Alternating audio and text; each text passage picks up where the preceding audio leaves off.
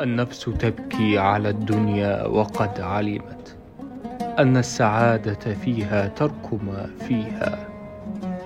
لا دار للمرء بعد الموت يسكنها إلا التي كان قبل الموت بانيها. فإن بناها بخير طاب مسكنه وإن بناها بشر خاب بانيها. أموالنا لذوي الميراث نجمعها ودورنا لخراب الدهر نبنيها. أين الملوك التي كانت مسلطنة؟